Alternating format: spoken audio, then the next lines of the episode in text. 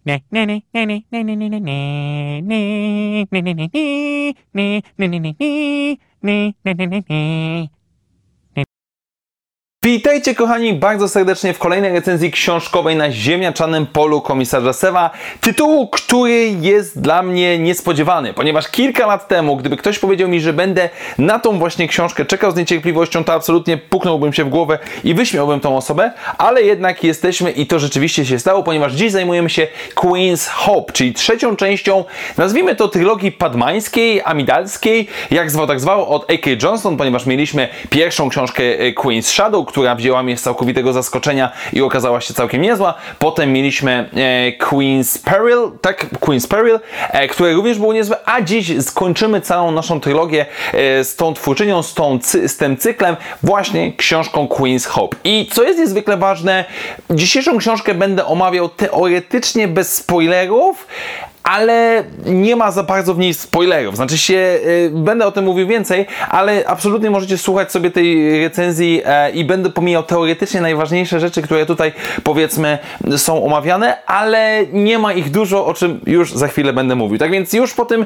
chaotycznym wstępie przejdźmy oczywiście do dzisiejszej recenzji. I standardowo zacznijmy od krótkiego opisu fabularnego, ponieważ sama książka rozpoczyna nam się tuż pod koniec epizodu drugiego, a dokładnie rzecz ujmując obserwujemy obserwujemy z jednej strony przygotowanie Padme Amidali i Anakina Skywalkera do ich ślubu na Nabu, czyli sama końcówka naszego filmu, ale oczywiście jednocześnie ty, y, książka ta nie skupia się tylko i wyłącznie na przygodach Padme i Anakina, którzy tuż po swoim ślubie każdy rozchodzi się w swoją stronę. Anakin oczywiście dołącza do wojen klonów jako generał czy też dowódca e, rycerz Jedi. Z drugiej strony Padme Amidala rozpoczyna swoją działalność jako senator, no, czy, czy jakby kontynuuje swoją działalność jako senator, która jednocześnie otrzymuje ona tajemnicze zlecenie, e, które dostaje pośrednio od rycerzy Jedi, które e, dotyczy pewnego rodzaju współpracy gospodarczej. E, to z jednej strony, z drugiej strony natomiast oczywiście, tak jak w dwóch poprzednich książkach, autorka stara się skupiać również na pozostałych służkach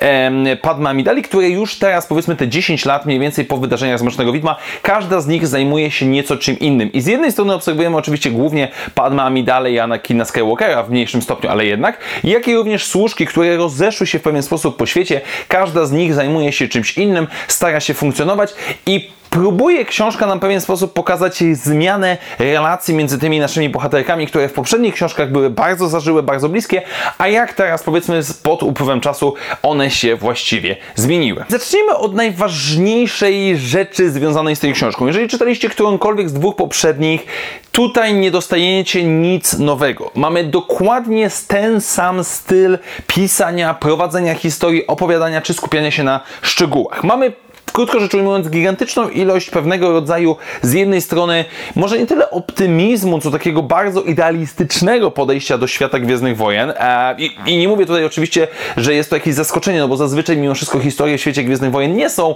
powiedzmy jakieś tam brutalne, mroczne czy coś takiego, ale tutaj naprawdę A.K. Johnston jakby stawia to na naprawdę wysokim poziomie, co nie jest wadą, żebyśmy się dobrze zrozumieli. Dla mnie, ja po prostu zaznaczam tą cechę charakteru, żeby nikt tutaj nie był zaskoczony, kiedy sięgnie po tą książkę i będzie miał miał w pewnym momencie tego dosyć. Z drugiej strony mamy, no, jest to książka młodzieżowa, young adult dokładnie rzecz ujmując i jest to książka no dziewczęca. Tak, główną, nawet nie osią fabuły, tylko główną cechą tego tytułu jest pewnego rodzaju relacje między Padme Amidalą, a między innymi Sabę, Dormę i innymi służkami, em, które, że tak powiem, się rozeszły i, i już teraz em, nie są cały czas blisko siebie, więc tutaj autorka skupia się na powiedzmy coś na zasadzie, gdyby nasze dziewczyny poszły do różnych koledżów i, i próbują w jakiś sposób ze sobą współpracować i jednocześnie wspominają swoją przeszłość. E, to jest jakby na tej zasadzie. A po trzecie, jest tutaj gigantyczna ilość opisów strojów. Naprawdę, mamy sceny, które, e, które w pewien sposób, e, mamy pół strony, gdzie opisywane jest, co Padme zakłada po kolei na siebie, żeby ostatecznie założyć swoje wdzianko, żeby pójść do niego do Senatu. I zaznaczam, te wszystkie trzy rzeczy, powiedzmy, nie są e, bezpośrednio wadami, chociaż o tym za chwilę jeszcze więcej będę mówił, ale to są cechy charakterystycznego tytułu. Te, które mieliśmy w dwóch poprzednich książkach, również tutaj są utrzymane, co jest w pewien sposób znaczące. Dlatego ta książka na pewno wielu osobom nie podejdzie i dlatego na przykład ja absolutnie nie jestem jej targetem. E, ale mimo i tak starałem się ją czytać. No i niestety, teraz muszę przejść w pewien sposób do, do tego, co mi za bardzo nie podchodzi, a mianowicie ten styl nie pasuje do naszych bohaterek. Co mam na myśli, powiem. E, w poprzednich książkach wydarzenia działy się przed wydarzeniami z Mrocznego Widma albo w trakcie Mrocznego Widma, gdzie nasze dziewczynki, znaczy dziewczyny powiedzmy, były, były nastolatkami.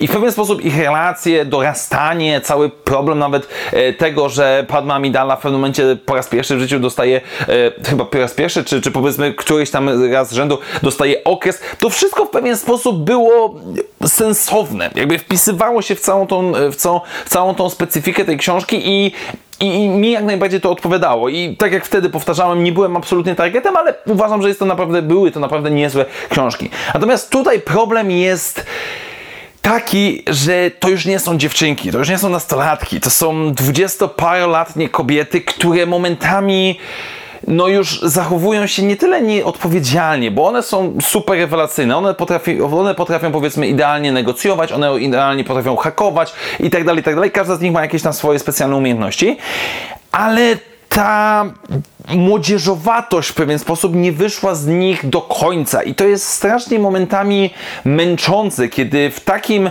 no mimo wszystko mrocznym okresie Gwiezdnych Wojen, kiedy zaczyna nam się wojna na całą galaktykę, my wszędzie dostajemy e, na twarz ten taki idealizm połączony z taką nastoletnią naiwnością troszeczkę. I, i póki siedzimy powiedzmy w klimatach na bój, bo tak jak było w pierwszej książce, e, czy w drugiej, póki siedzimy w tych klimatach na bój, to, to mamy taką powiedzmy bańkę, która istnieje, ale w momencie, kiedy to zaczyna rozchodzić się na, na całą galaktykę, czy powiedzmy bohaterki, bohaterowie ogólnie trafiają na różne inne, mniej cywilizowane lokacje, to już po prostu wygląda trochę dziwnie. I, i przez to cała ta książka cierpi, bo, bo jakby no nie, ciężko jest mi sobie wyobrazić, że dwudziestoparoletnie kobiety rozmawiają ze sobą w ten sposób, w ten sposób funkcjonują i, nie mówię tutaj o tym, że one na przykład nie mogą sobie głupio poplotkować czy coś takiego, tylko po prostu dramy zostały na poziomie nastoletnim, a dziewczyny w pewien sposób no, no są już kobietami. I, i to najzwyczajniej w świecie nie gra mi, co do tego oczywiście, do tego jeszcze również sam fakt tego, że tutaj ciężko powiedzieć,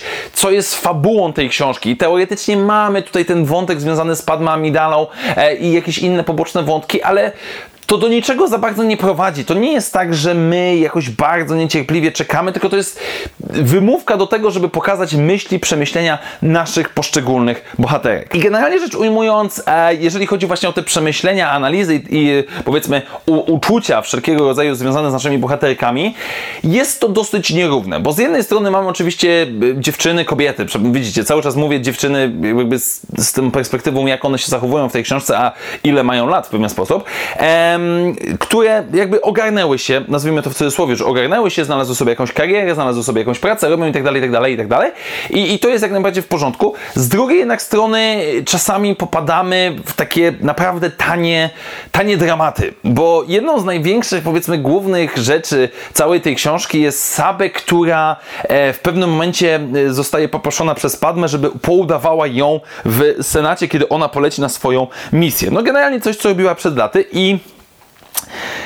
i cała ta akcja jest strasznie dziwna. Sabej generalnie w tej książce jest dziwna, bo z jednej strony całym gigantycznym wątkiem jest fakt tego, że Sabe nie chce już udawać Padme Amidali i chce żyć swoim życiem, e, mimo że robi to już od jakiegoś czasu e, i jakby nie wie za bardzo jak to powiedzieć Padme Amidali. Z drugiej jednocześnie strony dowiaduje się ona o ślubie e, Anakina, czy fakt tego, że Anakin i Padme są po ślubie przez zupełny przypadek, kiedy Anakin na początku przypadkiem na nią trafia i myśli, że ona jest Padme Amidaną.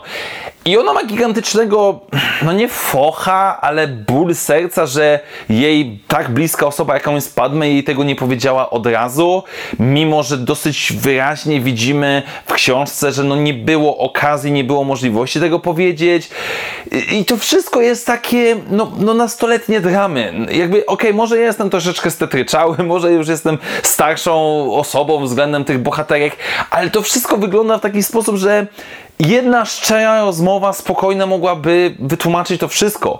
A na przykład wątek tego, że Sabe przeprasza wręcz Padma Amidale, że, że no wybacz, ale ja muszę pójść własną ścieżką.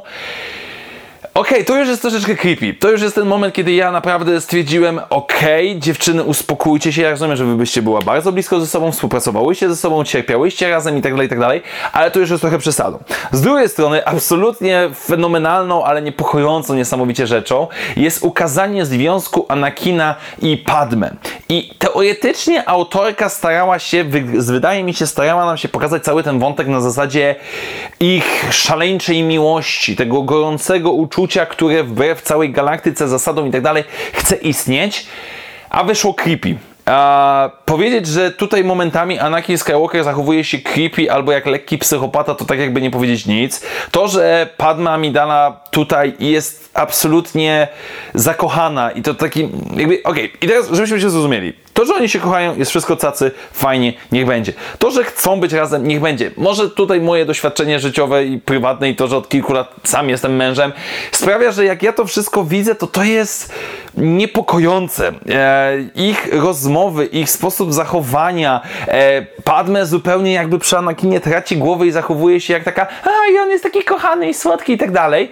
E, Anakin, który ma napady gniewu, które Padme ignoruje i na przykład całą rzeź na Tatooine ona nazywa incydentem, że Anakin miał incydent e, i musi kiedyś o, nie, o tym z nim porozmawiać. To wszystko jest strasznie creepy. To wszystko jest naprawdę, naprawdę niepokojące i, i wygląda w ten sposób, że no.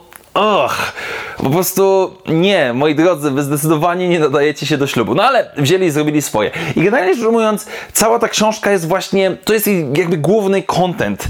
Ona teoretycznie ma opowiadać o jakichś relacjach, o dystansie, o zmianach w życiu itd., itd., ale robi to w tak nieporadny w pewien sposób, jednocześnie rozbijając te przyjaźnie, czy, czy nawet nie pokazując nam bezpośrednio relacji między poszczególnymi kobietami.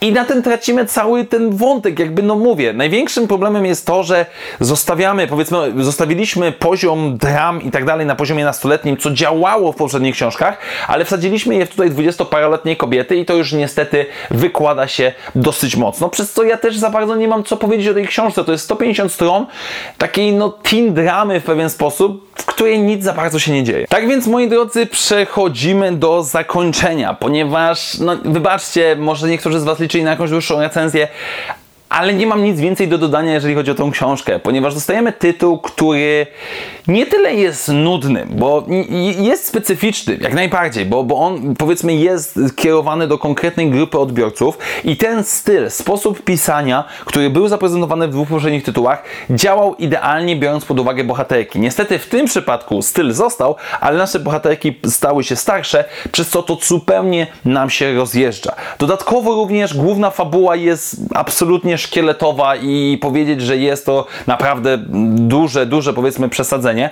Coś się niby teoretycznie dzieje, ale tak naprawdę skupiamy się wokół tych wszystkich relacji między bohaterkami, które są wymyślone trochę na siłę, bym powiedział, które są kiepsko poprowadzone i najzwyczajniej w świecie nie zgrywa mi się to w jakąś naprawdę sensowną całość. Oczywiście, jeżeli podobały Wam się dwie poprzednie książki, jest spora szansa, że również ta się Wam podoba. Jeżeli lubicie relacje między Padma jej byłymi służkami, czy też przyjaciółkami, spodoba Wam się to jak najbardziej, oraz szczególnie jeżeli lubicie ewentualnie stro, opisy strojów Padma Amidali, to jak najbardziej, a ewentualnie jeżeli chcecie przeczytać jak e, Duch Święty stąpił na Szmi Skywalker, e, serio, na samym początku książki pojawia się opis jak Szmi, że tak powiem, funkcjonowała na tatu i to jest absolutnie wygląda jak z niebo wstąpienie Ducha Świętego do, do, do, do na Maryję, e, no, to, no to możecie przeczytać sobie jak najbardziej książkę. Natomiast dla tych z Was, którzy są zainteresowani skalą powiedzmy punktową od 1 do 10, no niestety wybaczcie, ale to są maksymalnie 4 ziemniaki na 10, jeżeli chodzi ode mnie, bo, bo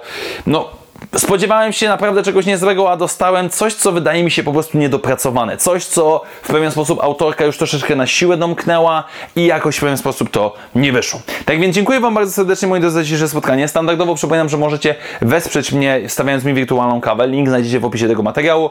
Do zobaczenia w następnych materiałach i jak zawsze, niech moc będzie z Wami. Na razie, cześć!